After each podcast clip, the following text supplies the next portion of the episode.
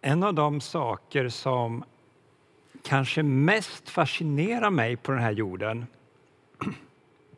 det är den mänskliga hjärnan, det vi har bakom pannbenet. Hjärnan består av ungefär 100 miljarder nervceller. Bara det är en svårbegriplig siffra. 100 miljarder. Och ännu mer fascinerande är att varenda en av de här nervcellerna är sammankopplad i genomsnitt med över tusen andra nervceller. Så att i din hjärna finns det i runda slängar 100 000 miljarder sådana kopplingar. Alltså du som är lite matematiskt lagd, jag tror det blir 10 upphöjt till 14. Va? Alltså det är en obegriplig siffra. Och på något märkligt sätt så är det så att ur det här nätverket av, av sammankopplade nervceller så uppstår den mänskliga, det mänskliga medvetandet. Ja, människan, människans hjärna det är förmodligen den mest komplicerade liksom, entiteten på den här planeten och kanske hela universum. Det är fascinerande det här med hjärnan. Och jag tycker neurovetenskap är ett oerhört fascinerande område. Och biologi och medicin liksom, de säger oss förstås väldigt mycket sant och viktigt om människan. Men det lämnar vi liksom bakom oss nu. För det vi ska prata om idag det är vad kristen teologi säger oss om människan. Om vi tar på oss trons glasögon, vad är det vi ser då? Vad säger Bibeln om människan? Vad säger kristen tro om dig och mig? Och då ska vi läsa från första kapitlet i Bibeln där skapelsens drama målas med breda penseldrag. Eh, och Gud skapar enligt berättelsen då under en period av sex dagar och på den sjunde dagen så vilar Gud. Men vi går direkt till dag sex där vi slår ner. Och då kan vi läsa bland annat så här i Första Mosebok 1, vers 26 och 27.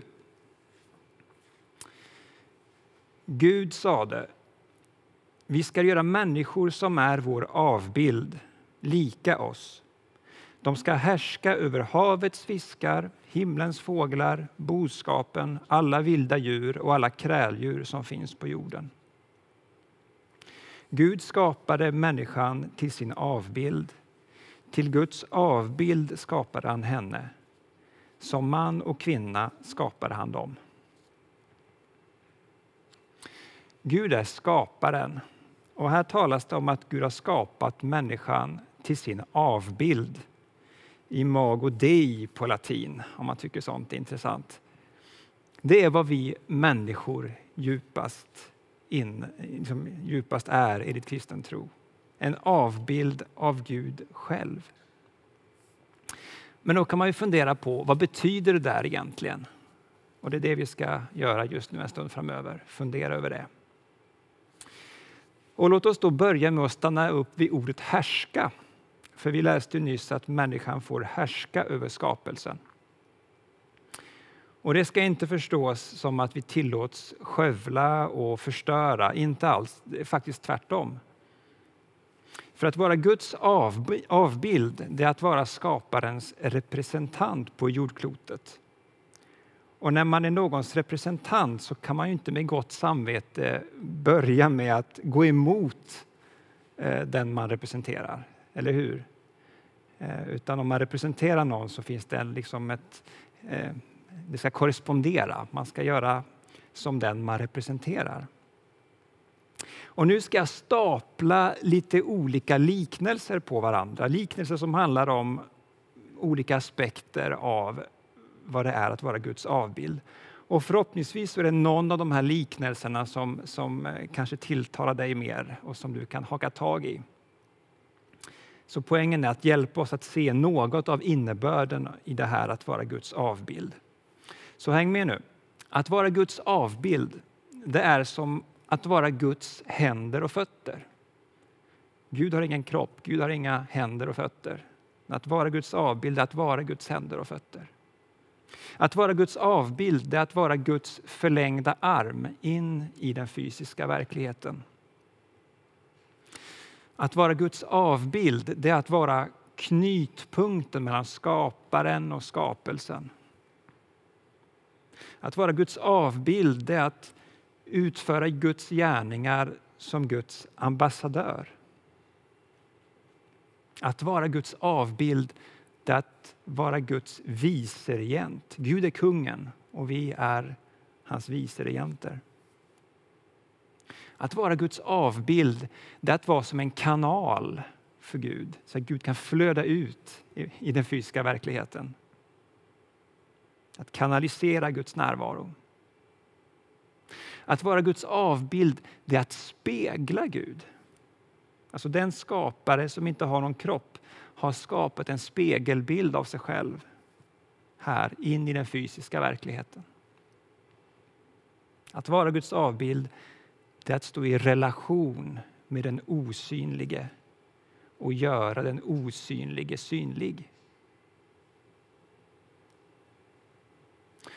Om du tycker att det där var väl en fin lista och, och sådär, men det låter bra i teorin, men hur är det i praktiken då?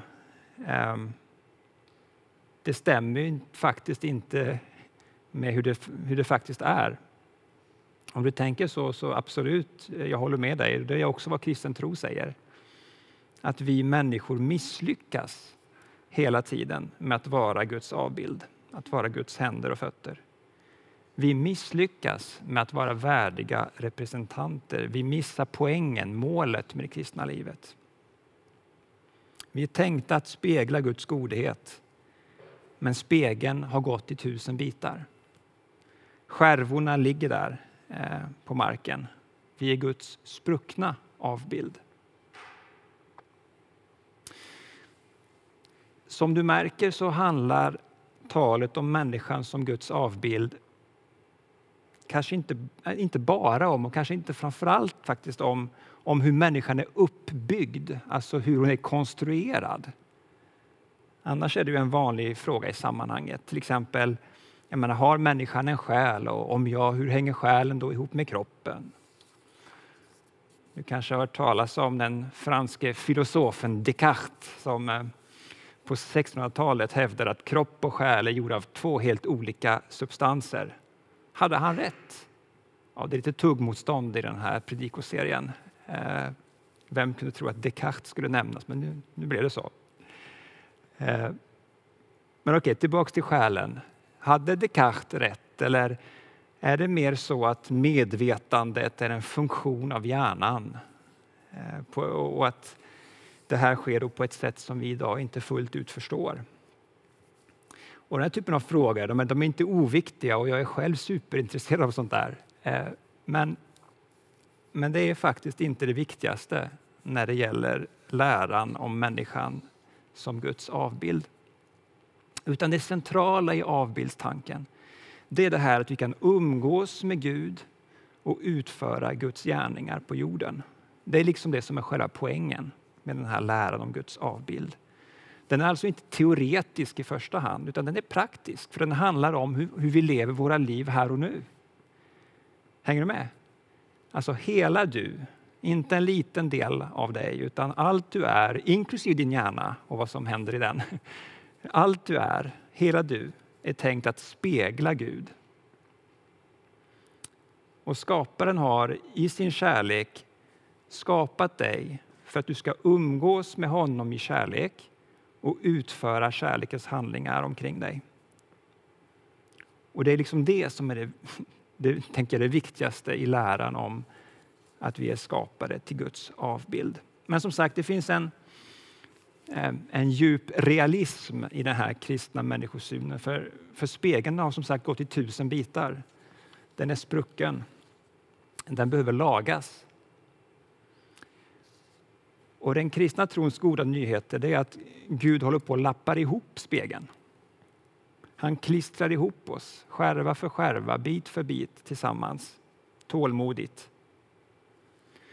Och navet i vår kristna tro det är att Gud kan göra det här därför att hans perfekta avbild en gång har vandrat på den här jorden. Hebreerbrevets författare skriver att Jesus är utstrålningen av Guds härlighet och en avbild av hans väsen. Jag gillar de orden. Jag tycker det är vackert. Utstrålningen av Guds härlighet och en avbild av hans väsen. Så Jesus är Guds perfekta avbild. Så vad betyder det? Jo, men när vi läser i evangelierna, när vi läser där om vad Jesus gjorde, ja, men då läser vi om hur Gud är. Vi läser om vad Gud anser vara viktigt. Vi läser om hur Gud ser på människor. Det ser vi i evangelierna. Eh, märker du förresten hur, hur det här med, med skapelse och frälsning hänger ihop på ett vackert sätt? Alltså Gud skapar sig en avbild, men den är sprucken och modellen för vad avbilden är tänkt att vara, det finner vi i Jesus. Alltså skapelse och frälsning hänger ihop.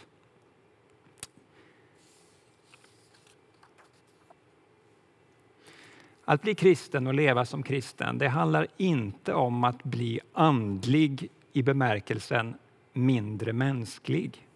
Och ibland har vi, verkar vi ha fått för oss det. Va? Eh, som att om man tar sin tro på, på allvar, eh, då ska man förneka allt det mänskliga och, och vara eh, just andlig.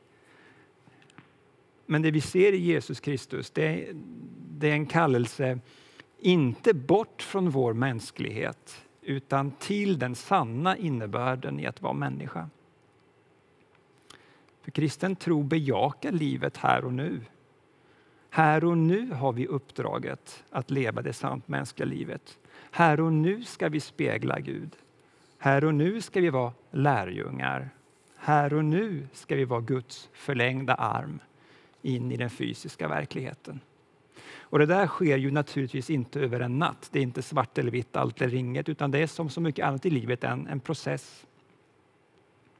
Och Bibeln talar om det som en frukt som mognar. Och jag tycker det är en vacker bild. Eh, en frukt som mognar. Och det tar ju tid för en frukt att mogna. Man kan inte stressa fram det. Eh, en grön citron mognar inte fortare för att du klämmer den hårt. Det går inte att squeeza fram mognad. Jag är för sig ingen, ingen expert på citroner, men jag inbillar mig att, att en citron behöver goda omständigheter för att mogna. Jag misstänker att den förutom tid också behöver sol och vatten och så vidare. Och på samma sätt är det med oss människor. Vi mognar inte genom att pressa oss själva.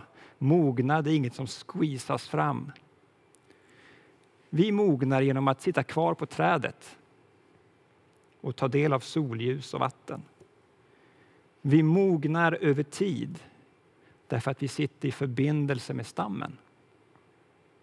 Och det, då, och det som då växer fram det kallas för Andens frukt. Guds egen frukt. Det finns en vacker lista på det i Galaterbrevet 5, vers 22 och 23. Där talas det om kärlek, glädje, Frid eller fred, det handlar både om någonting inuti oss men också mellan oss. Tålamod, vänlighet, godhet, trofasthet, ödmjukhet och självbehärskning. Det är den kristna trons bild av ett sant mänskligt liv. Det är det Gud har skapat oss till och vill för oss.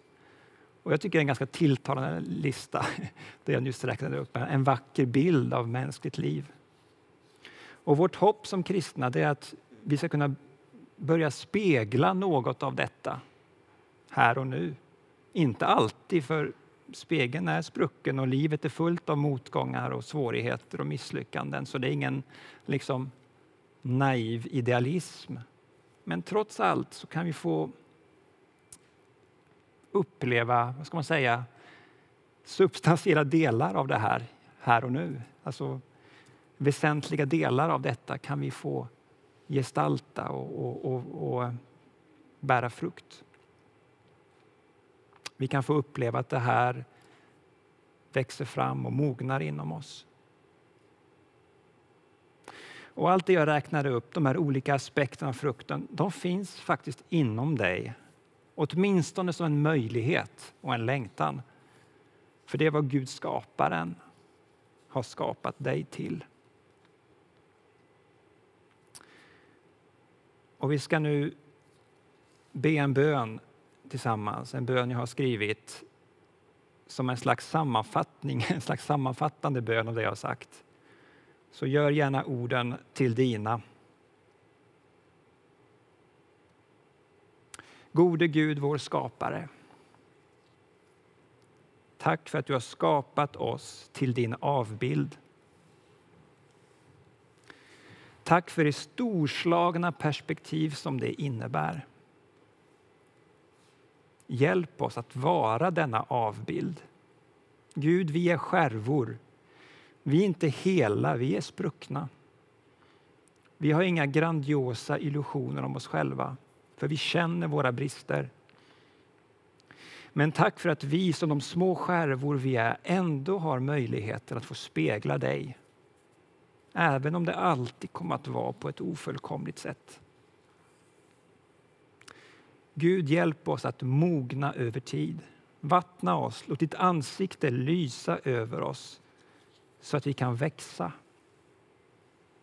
Låt kärlek, glädje och frid, tålamod, vänlighet och godhet trofasthet, ödmjukhet och självbehärskning flöda genom oss ut i vår omgivning. Hjälp oss att fullfölja vår funktion i den här världen. Att spegla dig och din godhet. Hjälp oss att vara dina händer och fötter i Linköping idag. Amen.